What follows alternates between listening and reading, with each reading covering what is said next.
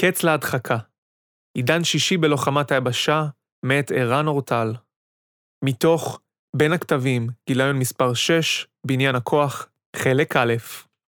מבוא בעשורים האחרונים מתנהל בקהילת הביטחון הישראלית, ובמובנים שונים במערב כולו, דיון ער באשר למשמעות של לוחמת היבשה בעידן הפוסט-מודרני, תפקידה ביחס לממדי הלחימה האחרים, ולעיתים אף לעצם הצורך בה. הסיבות לדיון זה הן מגוונות. מאז נוסף הממד האווירי למלחמה, התפתחה גם הגות צבאית, שתפסה את הלוחמה האווירית כתחליף ללוחמת היבשה. הגות זו זכתה לעדנה מחודשת בשנות ה-90, סביב מלחמת קוסובו ואירועים נוספים. סיבה אחרת לתפוצה רחבה של הגות זו, היא הרתיעה הגוברת של חברות מערביות מלחייב את עצמן למלחמות שבהן מעורבת לוחמה יבשתית. אדוארד לוטבק כינה את הלך הרוח המערבי הדוחף למלחמות מעוטות נפגעים משני הצדדים, ולכן נוטה להעדיף מלחמות אוויריות, בכינוי מלחמות פוסט-הירואיות. באותה הזדמנות, הוא גם מותח ביקורת על הנטייה הזו.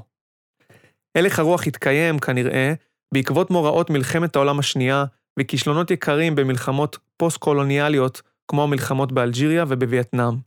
מבצעים שהדומיננטיות הבשתית שבהם ממשיכים להתקיים אמנם, למשל שתי מלחמות המפרץ, אך בדרך כלל קודם להן שלב ארוך של ניסיון הכנעה מהאוויר. ולבסוף, תחושה גוברת שאפיינה את שלהי המאה שעברה בתחילת המאה הנוכחית ושלפיה הסדר הבינלאומי התייצב, ומלחמות שעניינן כיבוש טריטוריות ושינוי גבולות בינלאומיים הן עניין מהעבר. הלכי רוח אלה לא נעדרו מהחשיבה הצה"לית, ובמובנים מסוימים אף נוכחים בה בעוצמה גם בימים אלה. הנסיבות הגלובליות שהפכו את לוחמת היבשה לאלמנט מודחק של העוצמה הצבאית המערבית, קיבלו במדינת ישראל הקשרים ייחודיים. לחיל האוויר נודע תפקיד מיוחד בתפיסה הצבאית הישראלית מאז שנות ה-60, ואך טבעי היה שמקומו יתחזק ככל הניתן, כאשר הנסיבות נתפסו כמאפשרות זאת. הטראומה הישראלית, המקבילה לחוויות השליליות של המערב ממלחמות יבשתיות, הייתה מלחמת יום הכיפורים. לאחריה, אמנם בעיכוב של כעשור, גיבשה מדינת ישראל דוקטרינה שחתרה לשלילת יכולות התמרון היבשתית של האויבים באמצעות יכולות מודיעין ואש שעיקרה אווירית. עליית איומים חתרניים אסימטריים כחיזבאללה וכחמאס, ארגונים שלא התיימרו לאיים באופן צבאי ישיר על מדינת ישראל, ביחד עם הלכי רוח שלאחר מלחמת לבנון הראשונה, גרמו למלחמה היבשתית להיראות כנטל מיותר. לא זו בלבד שסוג לחימה זה הוא עתיר נפגעים, הוא אף מביא לכיבוש טריטוריות המיושבות על ידי אוכלוסייה עוינת, המביא להתמודדות צבאית ממושכת עם לוחמת גרילה. אם יש דבר מה שכל הצבאות המערביים נרתעים ממנו, הרי זה היגררות ללוחמת גרילה ממושכת בשטח עוין. אם כל זה לא הספיק, באה ההתפתחות החשובה בדמות ההגנה מפני רקטות וטילים, וסיפקה, לפחות בעיני אחדים, מוצא תפיסתי מספק בדמות דוקטרינה הגנתית. המאזין, גם אם אינו איש צבא מקצועי, מכיר היטב את המגמות שנזכרו כאן בתמצית ואין צורך להרחיב אודותיהן. מטרת מאמר זה היא לדון בסיכון הממשי הכרוך בנטייה של ההימנעות הישראלית ממבצעי יבשה, לטעון כי קיים פוטנציאל חדש למבצעי יבשה שיעלמו בהצלחה את האתגרים המבצעיים שפיתח האויב ולהציע אסטרטגיה כללית שתמצה את תפיסת הלוחמה היבשתית הזו. במילים אחרות, נטייתנו להימנע מהפעלת כוח יבשתי, גם בנסיבות המחייבות זאת, היא מסוכנת בטווח הארוך וצריך לשנות אותה. המאמר אינו חולק על ההבחנה הבסיסית שלפיה קיים אתגר באשר לרלוונטיות של הכוח היבשתי ביחס לאויבים אסימטריים, אך הטענה כאן היא כי קיים פוטנציאל של ממש לשנות את המצב ולהחזיר לקרב היבשתי את האפקטיביות שלו גם בהקשרים של האויבים החדשים. את הפוטנציאל הזה כינינו העידן השישי. המאמר מציע אפוא טענה שלמה הנוגעת לרלוונטיות של הכוח היבשתי הצה"לי. צריך להשתנות, וגם ניתן לעשות זאת.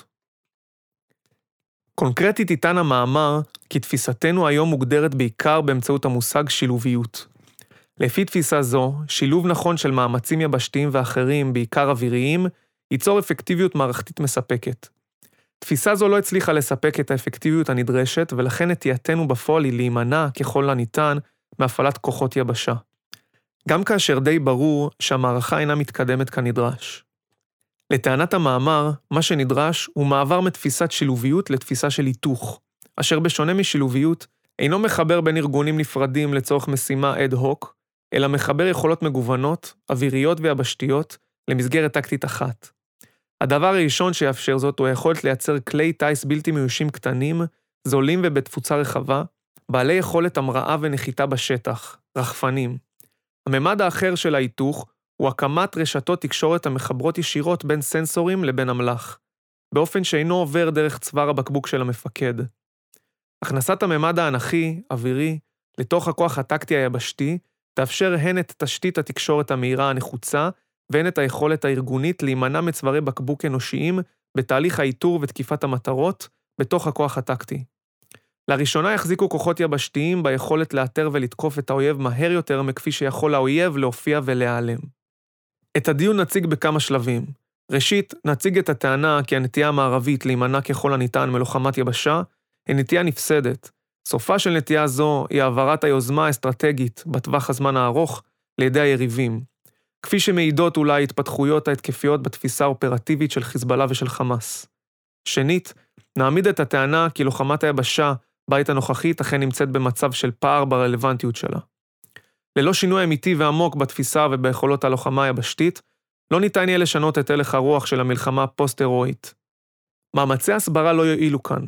בפרק השלישי נציג את תפיסתנו לשלב שישי בלוחמה יבשתית כפיתוח נוסף של רעיון הלוחמה השילובית, ששורשיו טמונים כבר במלחמת העולם הראשונה ובתפיסת הבליצקריג הגרמנית של מלחמת העולם השנייה. ההיתוך הוא הדילוג התפיסתי והטכנולוגי הבא ביצירת מהלומת מודיעין אש במסגרת הקרב היבשתי. הפרק הרביעי יעסוק בסוגיית המימוש של גישת השלב השישי. כיצד ניתן לממש את המהפכה המוצעת ומה משמעויותיה. הפרק החמישי ידון בחסמים המקשים על מימוש הגישה ובדרכים אפשריות להתגברות עליהם. האבסורד והסכנה שבדחף ההימנעות מלוחמת היבשה. בני אדם הם בעלי חיים יבשתיים. משחר ההיסטוריה קבוצות של בני אדם נלחמו ביניהם על שליטה בחלקות אדמה. מאז ומתמיד היה זה לא רק מאבק של משאבי טבע, אלא מאבק על עצם ההגדרה העצמית של קבוצות בני אדם. כך, כבר בעת העתיקה הגדירו את עצמם היהודים באמצעות הצירוף שבין החיים בארץ ישראל ובין קיום הפולחן היהודי.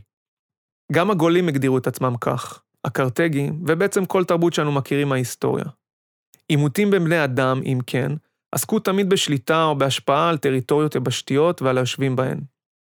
כל זה אינו אומר בהכרח שכל הפעלה של כוח צבאי בהיסטוריה כוונה ישירות לכיבוש כברת ארץ או להגנה עליה.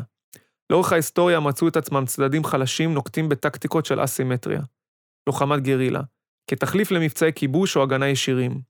עת שחסר לצדדים החלשים בעוצמה צבאית, הם השלימו במונחי זמן, נכונות להתמיד במאבק עיקש הגובה גם מחיר של חיי אדם ופגיעה כלכלית.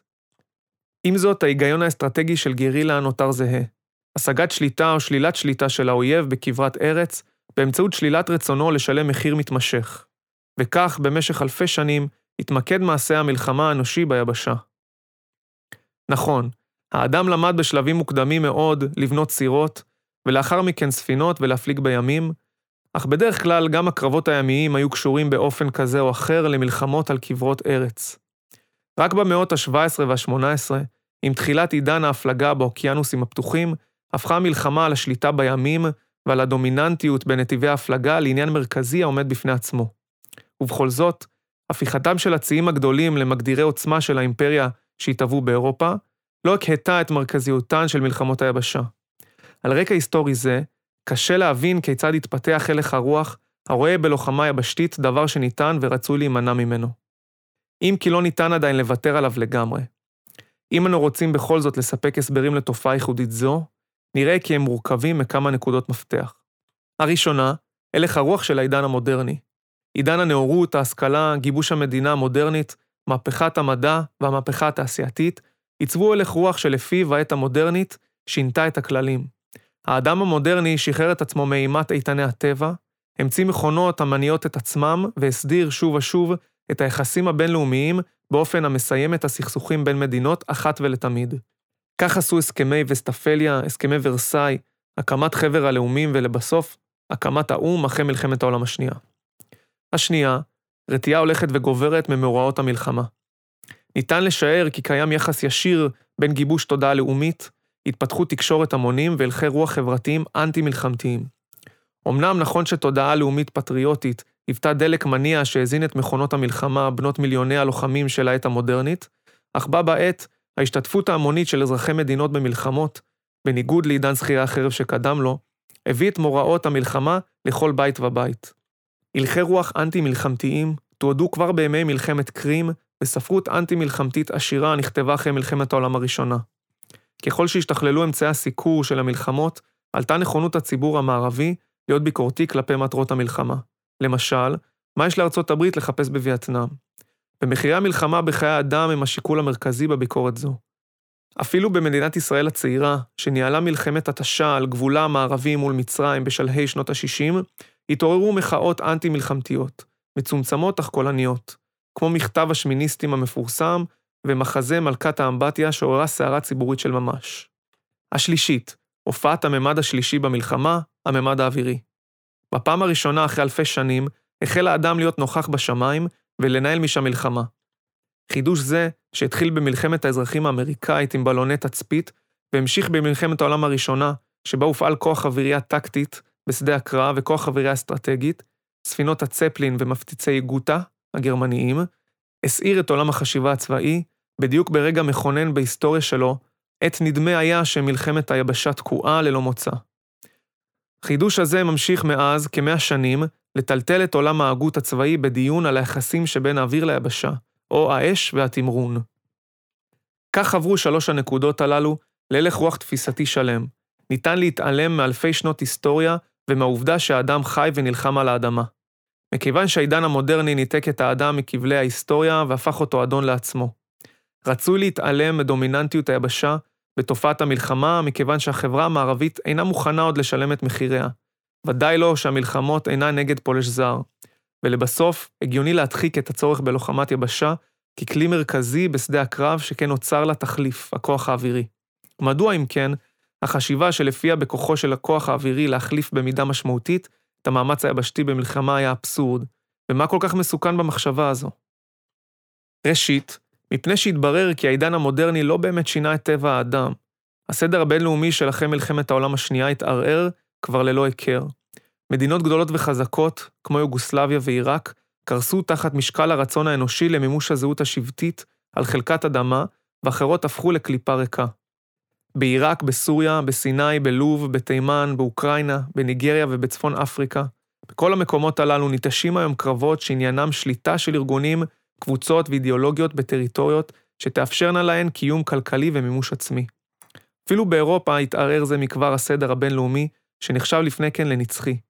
התפרקות יוגוסלביה בשנות ה-90 והפלישה הרוסית המתוחכמת לאוקראינה בעת האחרונה.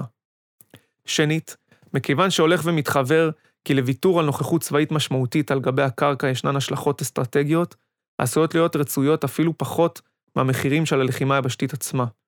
מהות התוצאות הללו, כשהאויב לא נלחם בך בשטחו, אתה מוצא את עצמך נלחם בו בשטחך.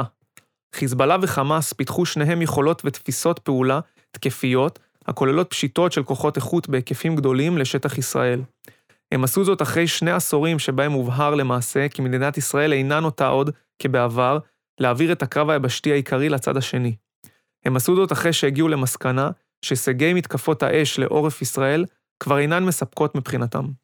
הם יכולים וגם רוצים יותר. אין זו תופעה היסטורית חדשה. הרומאים מצאו את עצמם מתגוננים מפני פלישות, ולבסוף מובסים על ידי אלאריק הוויזיגוטי בשנת 410, בתום התהליך שבו נחלשה מוכנותם לקיים מסעות מלחמה התקפיים נגד אויביהם, וכשאלה התקיימו, שיעור גדול מהלוחמים היה בני שבטים ברברים שגויסו לשירות רומא.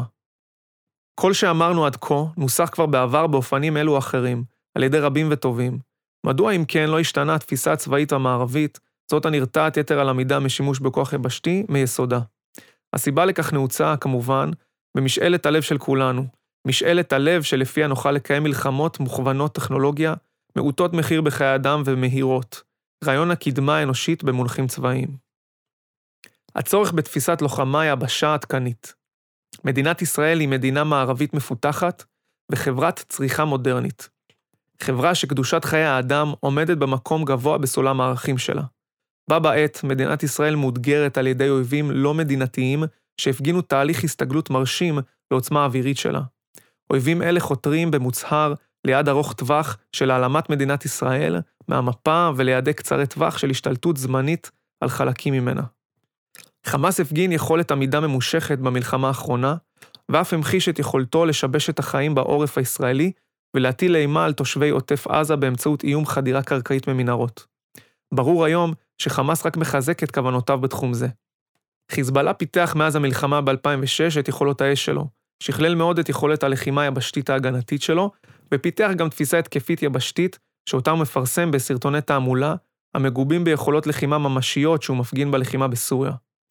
את כל אלה עושה חיזבאללה תוך שהוא שוקד על הבטחת יכולת התפקוד של כוחותיו, גם תחת האיום האווירי הישראלי.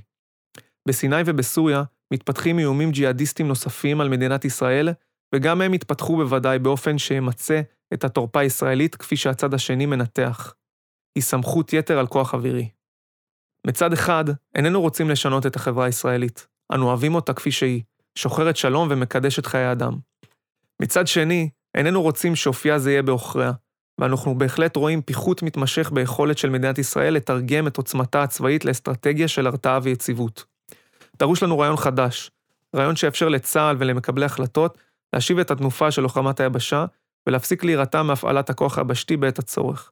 אך בה בעת יאפשר תמרון יבשתי מהיר, מצומצם בנפגעים ואפקטיבי. תמרון יבשתי שבכוחו להתגבר על תחבולת ההסתתרות וההיעלמות של האויב. שלב שישי בהתפתחות היחסים בין האוויר ליבשה. על מנת להגדיר את העידן החדש שאליו יש לכוון בלוחמת היבשה, ראוי תחילה לבחון שלבים קודמים בהתפתחות תחום לוחמה זה. מכיוון שהמאמר עוסק בלוחמת היבשה על רקע העדפה מובהקת שניתנת לכוח אווירי בצבאות המערב של העשורים האחרונים, ננסה להגדיר עידנים וגישות בלוחמה יבשתית באמצעות הדגשת מידת הדומיננטיות והתפקידים היחסיים של הכוח האווירי והיבשתי. שלב ראשון, עד מלחמת העולם הראשונה, צבאות נלחמו ביבשה, ציים תמכו בלוחמה יבשתית באמצעות מבצעים אמפיביים, באמצעות מינונים שונים של מצור ימי או הגבלת השיט של היריב. הכוח האווירי לא היה חלק מהמשוואה. גישת השלב השני, האוויר כממד חדש התומך ומסייע במבצעי היבשה. מלחמת העולם הראשונה הביאה את הכוח האווירי לבמת המבצעים הצבאיים. הגישה המרכזית שהתפתחה הייתה, הכוח האווירי הוא המשכו של הקרב היבשתי. המטוסים הראשונים שימשו לסיור ולהכוונת ארטילריה, ואחרי כן למשימות הפצצה טקטיות. הם המשיכו למעשה את דרכם של בלוני התצפית של מלחמת האזרחים האמריקאית. ככל שחלף הזמן, נוצרה דינמיקה של קרבות אוויר בין מטוסי הסיור של שני הצדדים, ונולד עולם המלחמה של העליונות האווירית במרחב שמעל שדה הקרב. מגישת השלב השני התפתחה, במעלה ההיסטוריה וההגות הצבאית של המאה ה-20, גישת המבצעים המשולבים ובניין כוח ההולם אותם. החל משילוב מטוס השטוקה וטנקי הפנציר הגרמניים בתפיסת הבליצקריג של מלחמת העולם השנייה, וכלה בקרב אוויר יבשה של שנות ה-80-90 ובתפיסת השילוביות המודרנית. גישת השלב השלישי, הפצצות אסטרטגיות. במקביל לזרם שבו עסקנו בפסקה קודמת, צמח והתפתח מתוך המבוי הסתום של מלחמת העולם הראשונה, זרם הגות שעסק בפוטנציאל של כוח אווירי כתחליף של ממש למבצעי יבשה. המבוי הסתום של מלחמת העולם הראשונה האיץ את פיתוחן של תפיסות לחימה חדשניות שחתרו לעקיפת שדה הקרב היבשתי ולהכרעת המלחמה מהאוויר, באמצעות השמדת מרכזי הייצור התעשייתיים של האויב. הגרמנים היו חלוצי התפיסה הזו, עם דיוויזיית ספינות אוויר צפלין שערכו גיחות הפצצה על ערי אנגליה, ואחרי כן עם המפציץ האסטרטגי הראשון מדגם גוטה. גישה זו זכתה למעמד של תיאוריה צבאית, כאשר ג'וליו דואה, גנרל איטלקי, פרסם את מאמרו "השליטה באוויר" ב-1921. גישה זו נוכחת עדיין בחשיבה המערבית הצבאית, כפי שעלתה בין השורות בגישת המערכה מוכוונת האפקטים ובביקורת כלפיה. וכפי שמשתקפת ממבצעים מערביים, כמו המלחמה בקוסובו, מלחמת לבנון השנייה, והקמפיין האווירי של הקואליציה המערבית נגד דאעש. גישת השלב הרביעי, הכרעה אופרטיבית מהאוויר. אם בתחילת הדרך נתפס הכוח האווירי בתחום הטקטי ככוח מסייע לכוחות היבשה, הרי שבשנות ה-80 וה-90 של המאה הקודמת, התפתחה גישה שלפי הצבא הנהנה מעליונות אווירית וטכנולוגית, מסוגל לפגוע במהירויות גבוהות ובהיקפים נרחבים בצבא יבשתי אחר, תוך שאת עיקר נטל הלחימה נושאות פלטפורמות אוויריות. במילים אחרות, בשונה מגישת השלב השלישי, שניתן לכנותה תיאוריית ההפצצות האסטרטגיות, בגישת השלב הרביעי, הכוח האווירי אינו חותר עוד לעקוף את הקרב היבשתי, אלא חותר להכריע בו. במשוואה זו, הכוח היבשתי נהנה מהישג הכוח האווירי. הכוח האווירי פועל בעומק האויב ובאגפיו, ואילו הכוח היבשתי מטפל בכוחות שנשחקו ואשר הגיעו לחזית שדה הקרב. בתמצית זוהי גישת Air Land Battle, שפותחה בפיקוד אירופה של צבא ארצות הברית על ידי הגנרל דון סטארי בשנות ה-80, ושהגרסה הצה"לית שלה נוכחת מאוד גם בחשיבה הצה"לית של ימינו. באופן תאורטי, גישה זו מקבלת בפועל את מרכזיות היבשה ואת הצורך בהישגים על הקרקע במעשה המלחמה, אלא שהיא מדגישה את תפקיד הכוח האווירי במימוש הישגים אלה. בפועל תרמה גישה זו רבות להלך הרוח הפוסט-הירואי של צבאות המערב.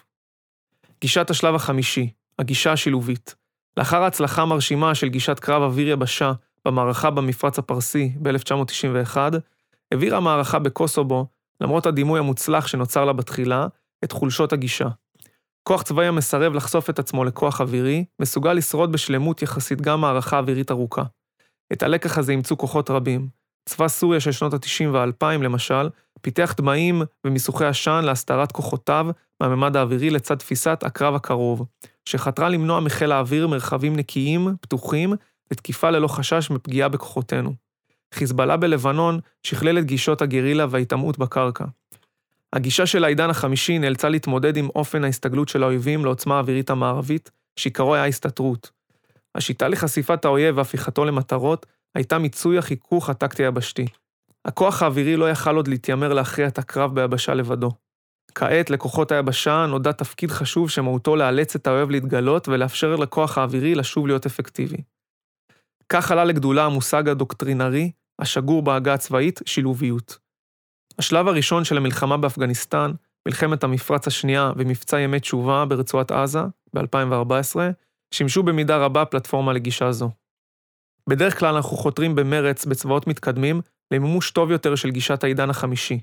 ההנחה היא כי שילוביות, קרי הסינרגיה שנוצרת במפגש בין הכוח האווירי לזה היבשתי, תשפר מאוד את האפקטיביות של מעשה המלחמה. הקשיים למימוש החזון הזה רבים. טייסים של מטוסי סילון אינם מסוגלים להבחין בעצמם בפרטים הטקטיים שעל הקרקע. האיום על מסוקי הקרב הלך וגבר עם שכלול טכנולוגיות טילי כתף נגד מטוסים ונגד טנקים, והכטב"מים מופעלים בדרך כלל ממרחבים אחוריים, רחוק מהמולת שדה הקרב היבשתי הדינמי. מאה שנות כוח אווירי הביאו להתפתחות של פלטפורמות אוויריות, לוחמים אוויריים ומבני פיקוד ושליטה אוויריים, שקשה מאוד לשלב בהצלחה לתוך שדה הקרב היבשתי ברמות הטקטיות הנמוכות. אם לא די בקשיים הללו, התמיד האויב בתהליך הלמידה וההסתגלות שלו. מאז שהופגנה שילוביות קרקע-אוויר ברצועת עזה במבצע ימי תשובה ב-2004, האיץ מאוד האויב את התבססות יכולות ההגנה וההתקפה שלו על התווך הבנוי והתווך התת-קרקעי. גיחות האויב אל מעל פני השטח הן ספורות וקצרות. גם חיזבאללה בנה תפיסת לחימה שמהותן הוא צמצום משך החשיפה של לוחמיו כלפי הממד האווירי לדקות ספורות, לעתים שניות, וצמצום החתימה המודיעינית שהם פולטים למינימום. האויב אומנם מתגלה בזכות מאמץ רב שהושקע בסנסורים שונים, כאשר הוא משגר או יורה על כוחות היבשה או על העורף, אך בדרך כלל הוא נעלם מהר יותר מהזמן הנדרש לסגירת המעגלים בין המודיעין, כוחות היבשה וכוחות האוויר. זוהי תמונת המצב הנוכחית שלנו. אנו מתאמצים מאוד לגשר על הפערים הפיזיים והארגוניים של פיקוד ושליטה בין גופי המודיעין, האוויר והיבשה שלנו באמצעות מערכות שליטה ובקרה המקשרות בין המפקדים בגופים וברמות השונות. ובכל זאת האויב צפוי להיות אפקטיבי מול כוחות היבשה באמצעות ירי טילים נגד טנקים וירי תלול מסלול, ובהתנהלות טקטית חכמה יצליח גם להימנע מסגירת המעגלים נגדו. כוחות מערבים באפגניסטן ובעיראק פגשו באתגרים דומים. מהי גישת השלב השישי המוצעת כאן? ההבחנה הבסיסית של גישת השלב השישי נותרה דומה לזו של גישת השלב החמישי. התמודדות טקטית אפקטיבית עם אויב שהסתגל לעליונות האווירית המערבית כרוכה בסינרגיה טובה יותר, בהרבה, בין האוויר לבין הקרקע. כוחות היבשה מאלצים את האויב לפלוט חתימות מודיעיניות מעצם ההקשר הטקטי של הקרב. ירי, שיגור, דיבור בקשר וכיוצא בזה. כוחות האוויר מסוגלים לקלוט את החתימות הללו ללא ההסתר הקשור בטופוגרפיה ולתקוף. אך בשונה מגישת השלב החמישי, גישה זו מכירה בכך ששילוב אד הוק בין ארגונים נפרדים, אוויר, מודיעין ויבשה, הגם שניתן להמשיך להשתפר בו, לא יצליח כשלעצמו להפוך את הקערה על פיה ולהיות אפקטיבי יותר ממיומנויות החמיקה של האויב. גישת השלב השישי חותרת למעבר משילוביות להיתוך. מהות הגישה היא ביטול התלות של המפקד הטקטי במערכת היחסים שבין מסייעים למסתייעים. שילוביות בין כוחות האוויר, המודיעין והקרקע תמשיך להתפתח ולתרום תרומה קריטית. עם זאת, לצידה צריך להתפתח כוח שהדומיננטיות של מבנהו היא יבשתית, אך במקביל הוא מהתך לתוכו את יתרונות הממד האנכי. במשך אלפי שנים לא התקיימה הפרדה ארגונית משמעותית בין כוחות לוחמים לבין מכונות לחימה גדולות. הקשתים האנגלים, הבליסטראות, עילי הניגוח, כל אלה היו מכונות לחימה שנכחו בשדה הקרב והיוו חלק אינטגרלי ממנו. גם בראשית עידן הארטילריה, היו התותחים תותחי שדה, כלומר תותחים שנכחו בשדה הקרב, בקרבת הכוחות הרגליים, ולא נדרשו למנגנוני תיווך מיוחדים על מנת למצוא את מטרותיהם ולהימנע מפגיעה בכוחות ידידותיים. מערכת היחסים שבין מסייע לבין מסתייע נולדה כאשר הטכנולוגיה של העת המודרנית גרמה לתותח לראות רחוק יותר ובכינון עקיף. או אז התברר שנכון יהיה למקם את התותחים בריחוק מסוים מקו החזית. מה שקרה אחר כך הוא שנוצר צורך במערכת שתקשר בין התותח שבעורף לבין הלחימה שבחזית. באותה עת נוצר צורך גם במערכת פיקוד נפרדת לארטילריה, שהלכה והפכה למקצוע העומד בפני עצמו. נוצרה מערכת תיווך שלמה, קציני תצפית קדמיים, קווי תקשורת, טול תיאום ומנגנוני הקצאה של תותחים שונים ליחידות שונות. ככל שנוספו יכולות סיוע מודרניות וביתר שאת עם התפתחות הכוח האווירי, מטוס ההפצצה הטקטי, מערכות התצפית המוטסות, חימוש מונחה מדויק, כלי טיס בלתי מאוישים, כך התפתחו יותר ויותר יחידות וארגונים מבצעיים נפרדים, כמו חילות אוויר וטייסות, גופי איסוף, היגדים ארטילריים וגדודי תצפית, שמצוין בשדה הקרב ברמה הטקטית, חייב יותר ויותר גופי תיווך ותיאום. מהותה של השילוביות הוא לייעל את תהליכי התיאום והתיווך בין גופים מבצעיים נפרדים בתחום הסיוע לגופים הטקטיים בדרג המסתער. הצורך בשילוביות בין-זרועית ואינטגרציה בין-חילית הלך וגבר עם השנים. תחילתו של עידן השילוביות באתגר הכמותי בפניו עמדו כוחות נאט"ו במערב אירופה של שנות ה-70 וה-80 מול כוחות ברית ורשה. שילוביות הוא מושג המתאר, במידה רבה, את הרעיון של תשלובת מודיעין מהלומה, שעמד בבסיס תפיסת הקרב אוויר-יבשה והמהפכה בעיניים צבאיים של שנות ה-90. עם השתנות הנסיבות האסטרטגיות, המשיך מושג השילוביות לבטא את הצורך בתיאום טוב יותר בין יבשה לבין מודיעין ולאוויר, ביחס ישיר למגמה של האויבים להעלים את עצמם מהעין הבלתי מזוינת ולקצר את משך הזמן שבו הם נחשפים בקשר הטקטי. בהקשר של הקרנת כוח אל מעבר לים, והצורך להלום במהירות ביריבים שעשויים להיות גדולים יותר מכוח המשלוח, קרא דגלס מקרגור בספרו "השתנות תחת אש" לארגן כוחות שטוחים יותר ורב-זרועיים יותר. בהקשר הישראלי, תהליך הסתגלות של האויב הנעלם לעוצמה צבאית המערבית מבוסס על יכולתו לפעול בתפר הזמן שעדיין נותר בין הכוח המסתער לכוחות המסייעים. ועדיין, מעגלי האיתור תקיפה שלנו, קצרים ככל שיהיו, מספקים לאויב את מרחב הפעולה המספיק לו הוא זקוק. גישת השלב השישי, גישת ההיתוך, גורסת שבעידן המזעור והרישות בו אנו חיים, צריך וגם ניתן לבנות כוח שיהנה מעיקר היתרונות שיוחסו עד כה ליכולות סיוע בלבד, מבלי לשלם את מחיר מנגנוני התיווך. באופן מטאפורי, למחוק את הגבעה שצמחה בין גופי הסיוע לבין הגופים המסתערים. למה הדבר דומה? להבדל שבין שני התקנים שונים, האחד, מתקן המחבר בין מחשב נייד, טלפון סלולרי עם מצלמה דיגיטלית וחיישן GPS, השני, סמארטפון. מבחינה פונקציונלית, שני ההתקנים משקפים את אותו ההיגיון. סינרגיה בין היתרונות של מצלמה, מחשב, חיבור לרשת ומיקום עצמי. מבחינה מעשית, ברור שהטלפון החכם מאפשר תפקוד מהפכני, השונה לגמרי מחיבור שבין מכשירים שונים. ההבדל שבין חיבור אד-הוק לבין היתוך, היתרונות של רכיבים שונים לתפקוד אחד, שינה את העולם. הנמשל, לכאורה, הן שילוביות, הן היתוך חותרים אל עבר אותו הדבר, תשלובת מודיעין מהלומה, שממצה את הסינרגיה שבין כוחות יבשה לסנסורים, ומהם ליכולות תקיפה. למעשה, ההבדל שבין תשלובת הבנויה מתיאום אנושי בין ארגונים שונים, באמצעות מערכות שליטה ובקרה, לבין תשלובת ארגונית ואוטומטית ברובה, זהו הבדל שבין שילוביות להיתוך, בין חיבור מגושם בין התקנים שונים לבין סמארטפון. כיצד תבוא גישת העידן השישי לידי מימוש? משילוב בין-זרועי אד-הוק לאינטגרציה קבועה של יכולות באמצעות רשתות תקשורת משותפות ומערכות בניין כוח משותפות. אינטגרציה אדוקה יותר, מבוססת רשת, בין מערכות בניין הכוח תבטיח אינטגרציה טובה יותר גם בהפעלת הכוח. שותפות של זרוע יבשה בשלבי האפיון והקמה של מערכי כטב"ם חדשים, תאפשר תיאום ציפיות וגם תיאום יכולות נכון וטוב יותר בין הזרועות. יתר על כן, שיתוף פעולה שכזה יבטיח שבעיות בהן נתקלו בעבר קשיי תקשורת טכניים בין פלטפורמות מוטסות לבין מפקדות ומפקדים על הקרקע, לא תחזורנה על עצמן. בנוסף, בניין כוח משותף של יכולות אוויריות יאפשר לכוחות היבשה לבנות יכולות יבשתיות, שמהותן יהיה השלמה של היכולות האוויריות, בשונה מגיבוי שלהן ויצירת יתירות. שילוב יכולות אוויריות אורגניות מותאמות לתנאי לוחמת היבשה, בתוך הכוח היבשתי עצמו, באמצעות הפוטנציאל החדש של כלי טיס רובוטיים קטנים וזולים, חלקם ידוע כרחפנים. אלמנט זה הוא קריטי לתפיסת השלב השישי, בשל המגבלות האינהרנטיות המגבילות את סף האפקטיביות של שיפור השילוביות הבין-זרועית. מהי מהותן של היכולות המסייעות? שני דברים מרכזיים. האחד, אש כבדה, ארטילריה, טילים ופצצות אוויריות, והשני, יתרונות הממד האנכי.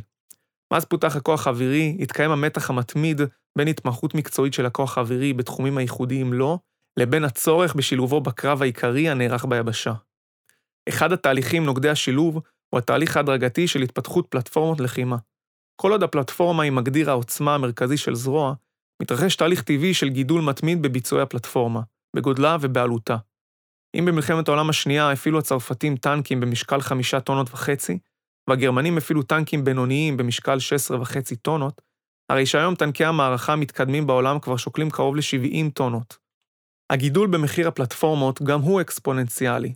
באוויר מצב הדברים אינו שונה בהרבה. המזל"טים הראשונים לא היו יותר מטיסנים משוכללים וזולים, בעוד שכיום כטב"מים הם פלטפורמה משוכללת, שיש לה יכולות נסיעה ושהייה מרשימות ומחיר גבוה בצידה. ככל שהפלטפורמות האוויריות הפכו לגדולות, יקרות ועתירות ביצועים יותר, כך גדל הצורך בתהליך תיווך בינן לבין הכוח היבשתי. לא ניתן להכפיף אמצעים יקרים, נדירים, ורסטיליים כל כך, באופן מוחלט וקבוע למפקדים יבשתיים. בין היתר, משום שיש גם צרכים אחרים. מתיאור עניינים זה, ברור כי עד לאחרונה לא ניתן היה לחשוב ברצינות בצה"ל על הצמדת כוח אווירי לכוח יבשתי כבר בניין כוח. כיחידה אורגנית אחת. עם זאת, בעת האחרונה, התפתחות טכנולוגיות מזעור, הוזלה ושליטה מרחוק בקבוצות של פלטפורמות המאפשרות להעלות על הדעת בדיוק את האפשרות הזו. כלי טיס בלתי מיואשים, קבועי כנף, יכולים לספק היום יכולות נסיעה ושהייה טובות במחירים שיאפשרו הצמדת כמה וכמה מהם לכל חטיבה מתמרנת. על התורפה של קבועי כנף לקרב הטקטי ועל תלותם במסלולי המראה ונחיתה, יכולים לפצות כלי טיס רחפניים. אלה התפתחו במהירות בשנים האחרונות, והם מסוגלים להמריא ולנחות מתוך הכוח המתמרן ממש, אך הם נחותים מקבועי הכנף ביכולות הנסיעה והשהייה. תמהיל של כלי טיס קטנים וזולים שיופעל מתוך הכוח היבשתי ועל ידו, יוכל לספק כיסוי איסופי רב-זוויתי ורב-סנסורי.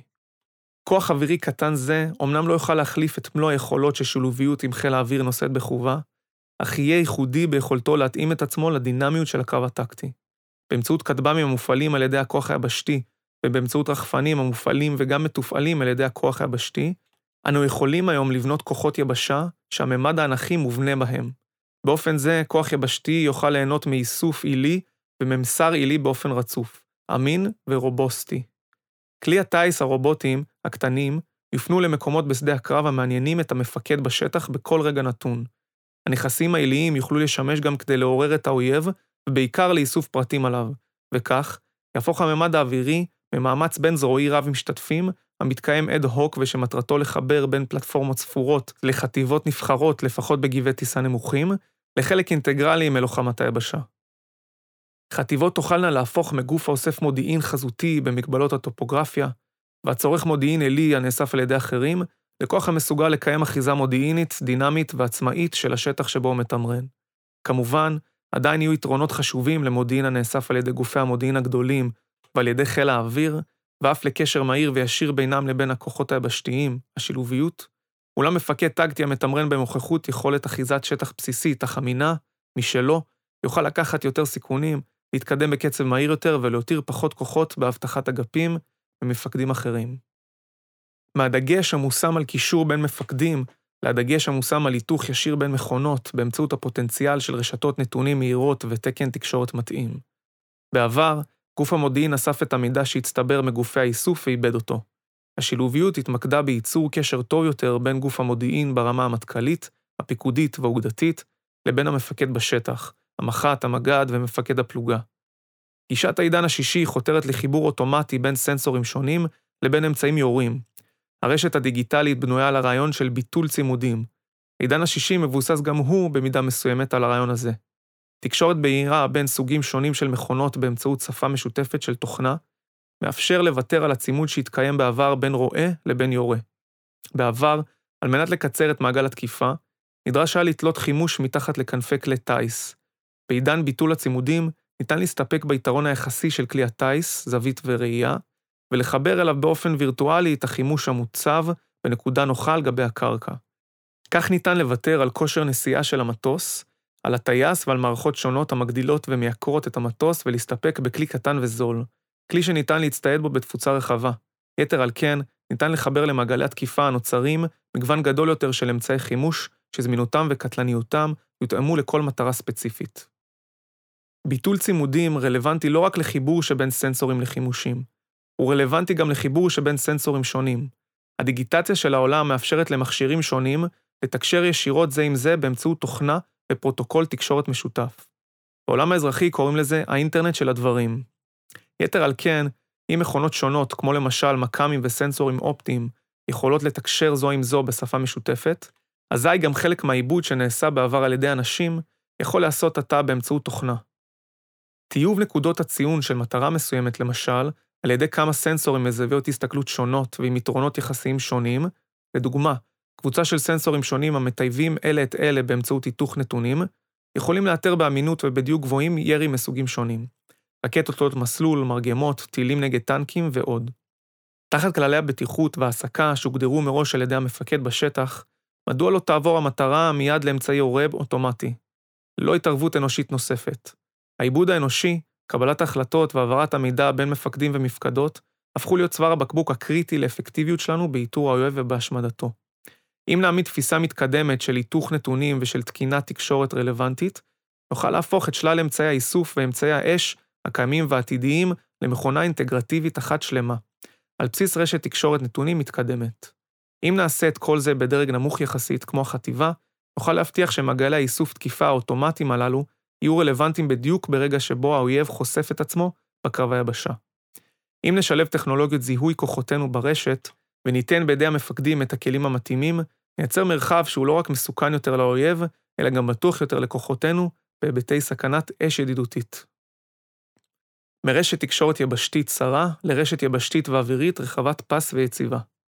בניית יכולות אנכיות, כאמור רחפנים וכטב"מים קטנים וזולים בכמות משמעותית בתוך כוחות היבשה, מלבד תרומתה במונחי איסוף, מודיעין ואחיזת שטח, מחזיקה את הפוטנציאל לפריצת תקרת הזכוכית של איכות רשת התקשורת הטקטית ביבשה.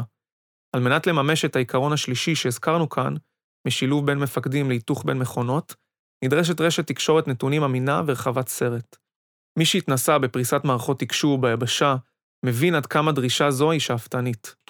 הקרב היבשתי הדינמי אינו יכול להסתמך על תשתיות תקשורת קבועות, ופריסת תשתיות תקשורת אלחוטיות בשטח רגישה לבעיית קווי הראייה ולחסימות ושיבושים של האויב. התווך האנכי שיובנה לתוך הכוח היבשתי, יאשר לראשונה להבטיח בקירוב טוב כי כל הכוחות הרלוונטיים ייהנו מקווי ראייה לפלטפורמה מרחפת כלשהי. כמעט בכל זמן ובכל מקום. מזג אוויר שיגביל להמראה של כטב"מים במנחת אחורי, למשל, לא בהכרח יגביל המראת רחפנים קטנים בתוך שדה הקרב. קשיי טיסה בגובה בינוני, לא בהכרח תקפים לרום טיסה נמוך מאוד ולהפך. כך ניתן להגיע לרמת אמינות גבוהה של רשת תקשורת נתונים רחבת סרט וחסינה יותר לשיבושי לוחמה אלקטרונית. הממד האווירי הטקטי יתקשר עם הממד האווירי של חיל האוויר מצד אחד ועם הפלטפורמות היבשתיות מצד שני. וכך ניתן יהיה לממש את החזון של צבא יבשה דיגיטלי בהספקים גבוהים, במהירויות רלוונטיות, בעצמאות מקומית, אך גם בקישור לדרגי הפיקוד והמטכ"ל. מסיוע חד-כיווני לאגבור הדדי. בעידן השילוביות ברור היה מי המסייע ומי המסתייע. כוחות האוויר וכוחות המודיעין החזיקו ביכולות משמעותיות באופן בלעדי.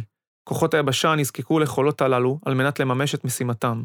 ההפך לא היה נכון. כוחות היבשה לא יצרו תפוקה מבצעית משמעותית שהייתה רלוונטית לאוויר ולמודיעין.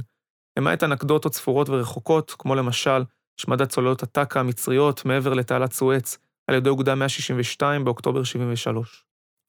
בעידן ההיתוך, לעומת זאת, הכוח היבשתי לא רק שיממש את משימותיו מהר יותר ובמיעוט יחסי של נפגעים, אלא שבנוסף לכך, תהיה לעצם נוכחותו רוויית הסנסורים בשטח, להיתוחם האוטומטי ולשינוע מידע במהירות כלפי מעלה, תרומה עצומה לטיוב ולדיוק המודיעין המתקבל בדרגים הגבוהים, ולשיפור יכולת התקיפה המדויקת והמהירה של הכוח האווירי העיקרי. כמו ביחסים ההדדיים שבין אפליקציית Waze למשתמשים בה, כך גם בלחימה. כוחות היבשה לא רק ייהנו מסיוע יעיל יותר בעידן רשת הנתונים המהירה, אלא גם יטייבו באופן דרמטי את מערכת המודיעין והתקיפה הצה"לית באמצעות מודיעין מדויק שיכולים לספק רק סנסורים הנוכחים בשטח עצמו. מתהליך של התייקרות החימושים לתהליך של חימושים קטנים וזולים ומדויקים. כבר כמה עשורים שצבאות עומדים בפני שוקת שבורה. דרישות שדה הקרב המודרניים מחייבות יכולות תקיפה רבות יותר, מדויקות יותר וקטלניות יותר.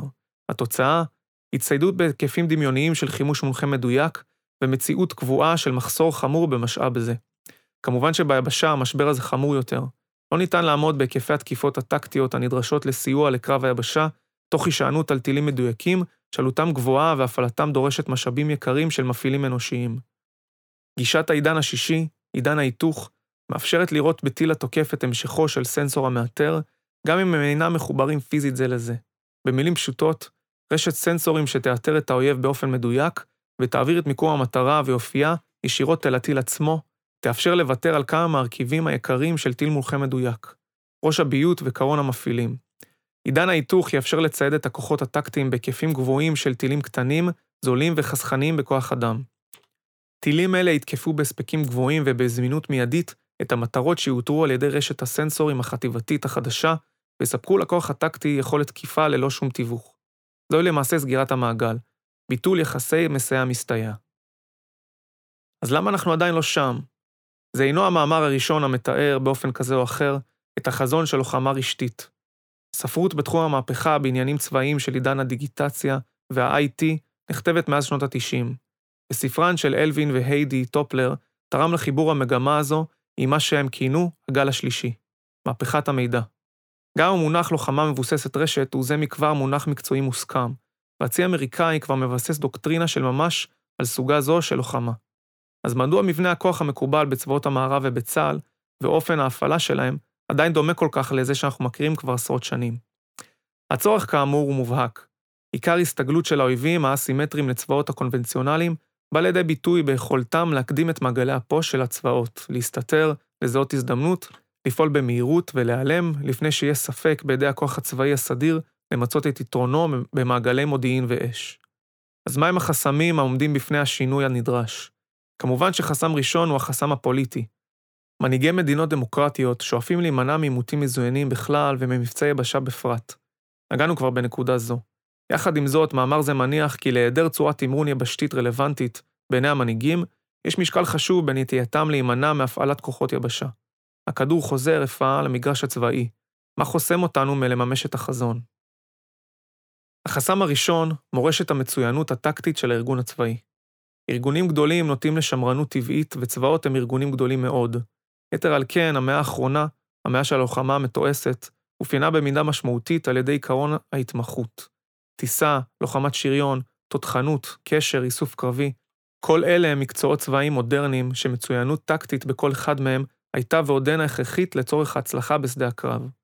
הצבאות התארגנו על מנת לאפשר את המצוינות הטקטית הזו באמצעות הכשרות ייעודיות, מסלולים מקצועיים נפרדים ומו"פ טכנולוגי שנועד לקדם את הצרכים המבצעיים של כל תחום. המתח שבין החתירה למצוינות טקטית מקצועית בכל אחד מהערוצים השונים, לבין ניתוחם למכלול אחד ברור. החילות והזרועות והארגונים הטכנולוגיים התומכים אותם, מעדיפים להמשיך ולפתח את הכלי האולטימטיבי, באנלוגיה שלנו, מצלמה דיגיטלית טובה יותר, גדולה יותר, מהירה יותר. אין בצבאות המודרניים גוף שאחראי על הרעיון של סמארטפון, רעיון שמובנה בו הצורך בפשרה על ביצועים נפרדים של גופים שונים. החסם השני, טריטוריאליות ארגונית. מפקדים מחלקים ביניהם גזרות, כך גם עשו צבאות ברמה הגבוהה ביותר, וכך במשך מאה השנים האחרונות אמונים חילות האוויר, גם אם חלקם מכונים אוויריית היבשה, על התווך האווירי, גופי המודיעין על סנסורים מתקדמים ועל עיבוד המודיעין, וגופי הקשר והמחשוב על שלהם. כל הזרועות שותפות במטה הכללי, כולן מיוצגות על ידי גנרלים בכירים, וכולן נוטות לדחות כל כוונה לחדור לתחומי העיסוק שלהן. חיל האוויר מתנגד באופן מסורתי לכל כלי טיס שלא מופעל על ידו. הצטיידות ברוכב שמיים, המזל"ט הנוכחי של כוחות היבשה בצה"ל, התעכבה לא מעט בשל התנגדויות מהסוג הזה. הטיעון לגבי הצורך לשלוט בכוחות הפועלים במקביל בממד האווירי ולגבי הצורך במקצועיות קונקרטית לממד הזה הוא משמעותי. משמעותי יותר הוא היעדר אילוץ חיצוני חזק, כמו התחרות בעולם העסקי, שיאלץ גופים נפרדים לוותר על הבלעדיות המסורתית שלהם. התגובה של הזרועות הנפרדות ללחצים המבצעיים, המחייבים שילוב טוב יותר, היא שילוב טוב יותר. אלא שלחיבור ארעי ואד הוק בין גופים שונים, ישנה תקרת זכוכית של אפקטיביות מבצעית. החסם השלישי, האתוס ההירואי הפיקודי. מאז צמחו הצבאות לארגונים של עשרות ומאות אלפים, הפך מקצוע הפיקוד במהותו למקצוע של ניהול המונים. אי-הוודאות של שדה הקרב גרמה לרוב הצבאות המתקדמים לאמץ את גישת פיקוד משימה. וכך המקצוע הצבאי מזוהה לא רק עם האתוס ההירואי שליווה אותו מתמיד, אלא גם עם האתוס של דומיננטיות המפקד ותפקידו המרכזי בקביעת התוצאות בשדה הקרב. החוב הספרות העוסקת בלוחמה המבוססת רשת מתמקדת בהיקף המידע שיקבל המפקד, באיכותו וביכולת המפקד לעשות במידע הזה שימוש טקטי מועיל. רוב הספרות, גם זו של תומכי מהפכת הרשת הצבאית, משתמשים בטרמינולוגיה הקשורה בעיקר לתרומת טכנולוגיות הקשר והמחשוב למפקדים. המושגים הדומיננטיים בספרות הזו קשורים במעשה הפיקודי, מודעות מצבית משופרת או משותפת, מערכות שליטה ובקרה ופוש משופר, המאפשר קבלת החלטות טובה יותר. השיח נוטה להחמיץ כמעט לחלוטין את פוטנציאל הקשר הישיר בין מכונות באמצעות מחשבים, לא דרך מפקדים. נראה כי גם לאחר שהבינו בצבאות את הפוטנציאל של עולם הדיגיטציה והתקשורת בין מחשבים, הם מהססים למצות את מלוא הפוטנציאל הזה מחשש, שאינו מוצדק לטעמו של כותב שורות אלה, לדחיקת מקומם של המפקדים. דגלס מקרגור, בספרו "השתנות תחת אש", אינו חוסך מילים בתיארו את השמרנות המפולגת של מבנה הפוש בכוחות היבשה. ושוב, לשיטתנו, סגירת מעגלים אוטומטית בין סנסורים לכלים יורים, על פי כללי הפללה ובטיחות קפדניים שיקבע המפקד כמובן, צפויה לתרום תרומה מכרעת לאפקטיביות של כוח טקטי מול אויב חמקמק. התוצאה של החמצה זו, אגב, היא תופעה של הצפת המפקדים במידע, הפיכתם לצוואר בקבוק ובניית מטות אנושיים מסורבלים סביבם. במידה משמעותית, התופעה של התנפחות המפקדות משקפת את הניסיון האבסורדי של הצבאות להתמודד עם שפע המידע החדש ולחבר בין מערכות ממוחשבות שונות באמצעות אנשים, במקום למצות את פוטנציאל עיבוד המידע והתקשורת הישירה האפשרית בין מחשבים לבין עצמם. בעולם מתפתח תחום שלם שעניינו ביג דאטה, פתרונות אוטומטיים למיצוי שפע המידע של העידן הנוכחי. בעולם הצבאי פיתחנו דפוס של טרוניה של המציאות של היצף המידע, ואיישנו את המפקדות באנשים נוספים בניסיון נואש להתמודד עם היצף זה. חסם רביעי, טראומות העבר. בעשורים האחרונים מוצו רוב ההתקדמויות הטכנולוגיות החשובות לפיתוח תפיסה שניסתה להחליף את הקרב היבשתי, או לפחות לצמצם את מרכזיותו, באמצעות אמצעים מנגד. גופי מו"פ החלו לגבש הזדהות ערכית עם הרצון לקדם תפיסות לחימה שהחליפו את הצורך בקרב היבשתי. היבשה החלה לפתח תפיסה לפי הטכנולוגיה מתקדמת אינה משרתת את האינטרס הארגוני שלה. שתי הגישות הללו מהוות חסם משמעותי בקידום תפיסה של לוחמת יבשה מבוססת טכנולוגיה דיגיטלית. חסם חמישי, בשלות טכנולוגית ותפיסת בניין כוח. לא מעט קצינים יודעים היום לצטט את סקירתו החשובה של גדעון עקביה, המתארת ומנתחת את כישלון פרויקט מערכת הקרב העתידי. כישלון זה, כמו הוכיח את חוסר התוחלת של חתירה למימוש מלוא הפוטנציאל של הלוחמה המבוססת הרשת. האמת היא שהסקירה מלמדת אחרת. הניסיון לקדם את רעיון מערכת הקרב העתידי נעשה בסוף שנות ה-90 ובתחילת העשור הקודם. לא ניתן לתפוס את האירוע כהוכחה לאי היתכנות. בעיני הכותב יהיה זה אבסורד, העולם צועד במהירות לעבר חזון האינטרנט של הדברים, רק עולם הצבאי יישאר בעידן המתועש. שני דברים חשובים השתנו מאז ובעקבות פרויקט מערכת הקרב העתידי. הראשון, הבשלות הטכנולוגית של רשתות אלחוטיות מאפשרת היום לממש את החזון ברמת מורכבות נמוכה יותר מכפי שהייתה לפני כעשור. הרעיון של פלטפורמות אוויריות קטנות וזולות בכמויות משמעותיות, שיאפשרו ממסר תקשורתי אמין ויציב, רעיון עליו הרחבנו כאן, הוא חלק מההתקדמות הזו. השני, תפיסת בניין הכוח של העידן הרשתי צריכה להיות שונה. הדינמיות של עולם התוכנה מאפשרת וגם מחייבת את תהליך הפיתוח להיות איטרטיבי ואינסופי. במקום להסתבך באפיון היתר שעליו מספר עקביה בסקירתו, נכון יהיה להתקדם לעבר מימוש החזון צעד אחר צעד, בהיגיון הפיתוח מקובל בעולם התוכנה, היגיון של ארכיטקטורה פתוחה. לקח נוסף שחשוב להפיק מכישלון רעיון פרויקט מערכת הקרב העתידי, הוא ביטול צימודים כגישה עקרונית לבניין כוח. אין לתלות את התפיסה של לוחמה רשתית במרכיבי תפיסה אחרים, כמו פלטפורמות לחימה חדשות וסוגי נשק חדשים. כיצד נתקדם? כל כך הרבה חסמים מובנים וחזקים, מהי, אם כן, הדרך להתקדם מכאן? התשובה טמונה בגופים בוני הכוח בצה"ל. קשה לדמיין חברה גדולה המתמחה במצלמות דיגיטליות מעולות, שתתמסר מרצונה החופשי, לחזון של שילוב מוצריה במכשיר טלפון נישא קטן. המנהלים לא ירצו, המהנדסים יסבירו שאי אפשר לפתח מצלמות כל כך קטנות, וגם שלא כדאי שכן העלות תהיה גבוהה והביצועים נמוכים. על מנת לקדם חזון כמו סמארטפון, צריך לארגן קבוצות של אנשי מקצוע סביב הרעיון החדש. מערכת בניין הכוח הצה"לית מאורגנת כולה, כמו הכוח הצבאי עצמו, סביב הרעיון של פלטפורמות הלחימה והדיסציפלינה הטקטית המובהקת, החילית והזרועית. מחלקות האמל"ח בנויות מענפי התמחות, שריון, חי"ר, ארטילריה, איסוף וכיוצא בזה. באוויר ובים החלוקות פחות חיליות, אך עדיין מאוד מקצועיות. ענפי ומחלקות התקשורת מאורגנים תחת הרעיון המכונן של רשתות שוב, ייעול מערכת הפיקוד הקיימת של הכוח באמצעות סיוע של מחשבים ותקשורת. לפיכך, נדרשות התארגנויות חדשות במחלקות האמל"ח ובחטיבות הטכנולוגיות השונות, על מנת לקדם את חזון גישת העידן השישי. סיכום שתי שאלות עקרוניות עומדות בבסיסו של כל שינוי. הראשונה, האם צריך? בלי הכרה עמוקה בצורך בשינוי, האדם הסביר, ולא כל שכן הארגון הסביר, לא ייטלו על עצמם את ההשקעה הנדרשת ואת הסיכון הכרוך בשינוי. השנייה, האם אפשר? רצון עז לא מספיק. בלי אמונה ששינוי הוא אכן בהישג יד, גם אם עדיין כרוכה הדרך בהשקעה רבה ובלקיחת סיכונים, לא תתקבל ההחלטה על שינוי. יתר על כן, בלי שיוגדר חזון אלטרנטיבי ובר מימוש, בדרך כלל לא נכיר גם בעצם הצורך בשינוי. הדחקה היא הרי הבסיס לכל שפיות. מאמר זה ניסה להקיף את שתי השאלות. שאלת הצורך. צריך שינוי מכיוון שבשעה שפיתחנו את תפיסת הלחימה מנגד, והרגלנו את עצמנו לראות בלוחמת היבשה כורח שיש למזערו ולדחותו ככל שניתן, התפתחו אויבינו באופן שלא רק הסתגל לעוצמות האוויר והמודיעין שלנו, אלא אף פיתחו יומרות מסוכנות בתחום היבשה עצמה. יומרות אלה מוגבלות עדיין אמנם, אך קצב ההתפתחות שלהן חייב להטריד אותנו. ההיסטוריה מלמדת שני דברים. האחד, האדם הוא יצור יבשתי, ולכן תופעת המלחמה החשובה ביותר מתרחשת על הקרקע, והשני, אין ריק. הדחקה שלנו את הקרב היבשתי מזמינה את היריבים למצוא דרכים משלהם שם. יש צורך, אם כן, לשינוי עמוק ודחוף באופן שבו אנו תופסים את המעשה המלחמה. שאלת היכולת, תוכנה, היא שכבה המאפשרת למכונות לתקשר עם מכונות. העולם מתקדם כבר היום ממהפכה דיגיטלית המוגבלת לעולם הווירטואלי לעבר עולם האינטרנט של הדברים. חפצים שונים המדברים עם חפצים שונים ומשפיעים על ההוויה המעשית. העולם מתקדם לעבר עולם האינטרנט של הדברים. הרעיון של מעבר מעולם של שילוב בין גופים נפרדים לעולם של היתוך יכולות שונות לכדי סינרגיה אחת, ברעיון תאורטי זה גלומה האפשרות המעשית להקדים בשדה הקרב החדש את מעגל ההופעה וההיעלמות הטקטית של האויב. על מנת לממש את המעבר מגישת השילוביות לגישת העידן השישי, עידן ההיתוך, נדרש מאמץ עיקש ומודע של מפקדים ונדרש שינוי תפיסתי ומבני של הארגון הצבאי.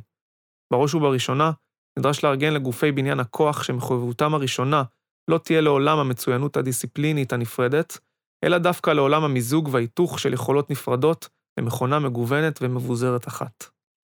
אויבינו הסתגלו היטב, מהבחינה הטקטית והאופרטיבית, לעידן השילוביות של הצבא המודרני. יתר על כן, הסביבה האסטרטגית שלנו הולכת ומשילה את העטיפות המודרניות שלה. ההתארגנות במדינות ובצבאות לטובת ארגונים פוסט-מודרניים ופרה-מודרניים, ארגוני טרור, מיליציות, שבטים ועדות. האסטרטגיה הנדרשת במדינות המוקפות בים של שבטים, ארגונים ומיליציות החותרים תחת עצם קיומה, מחייבת מצד אחד הגנה חזקה, ומצד שני יציאות תכופות אל מעבר לגדר. אם לא נקדים את כוונות אויבינו ונשבשן, נמצא עצמנו כמו הרומאים בימי דמדומי האימפריה, סובלים מזינוב מתמשך של שבטים לוחמים לתוך גבולם. ההיבטים החדשים בתפיסות הלחימה, המתאבות של חיזבאללה וחמאס, היבטים של מתקפות קרקעיות לשטחנו, צריכים להוות קריאת השכמה חשובה עבורנו. הטקטיקה הנדרשת למימוש האסטרטגיה הזו מחייבת עליונות מוחלטת של כוחות איכותיים ומוגבלים בהיקפם ביחס לאויבים מתוחכמים ונועזים הנהנים מסביבה נוחה. גישה זו היא בת מימוש בימינו באמצעות השילוב של פוטנציאל הרשת ופוטנציאל הממד האנכי ההמוני והזול המופעל על ידי כוחות היבשה עצמם. זהו הפיתוח העכשווי, הנכון ביותר והנדרש, של גישת לורד תדר להפעלת כוח אווירי. בניגוד לגישת ג'וליו דואה, המפציץ האריס וממשיכיהם. רק מיצוי מלא של מיטב הפוטנציאל הטכנולוגי של זמננו, באמצעות תפיסת לחימה רלוונטית, יאפשר לנו לשמר את היוזמה האסטרטגית ולהבטיח את המשך יציבות המדינה היהודית בשכונה הקשה הזו למשך דורות רבים נוספים.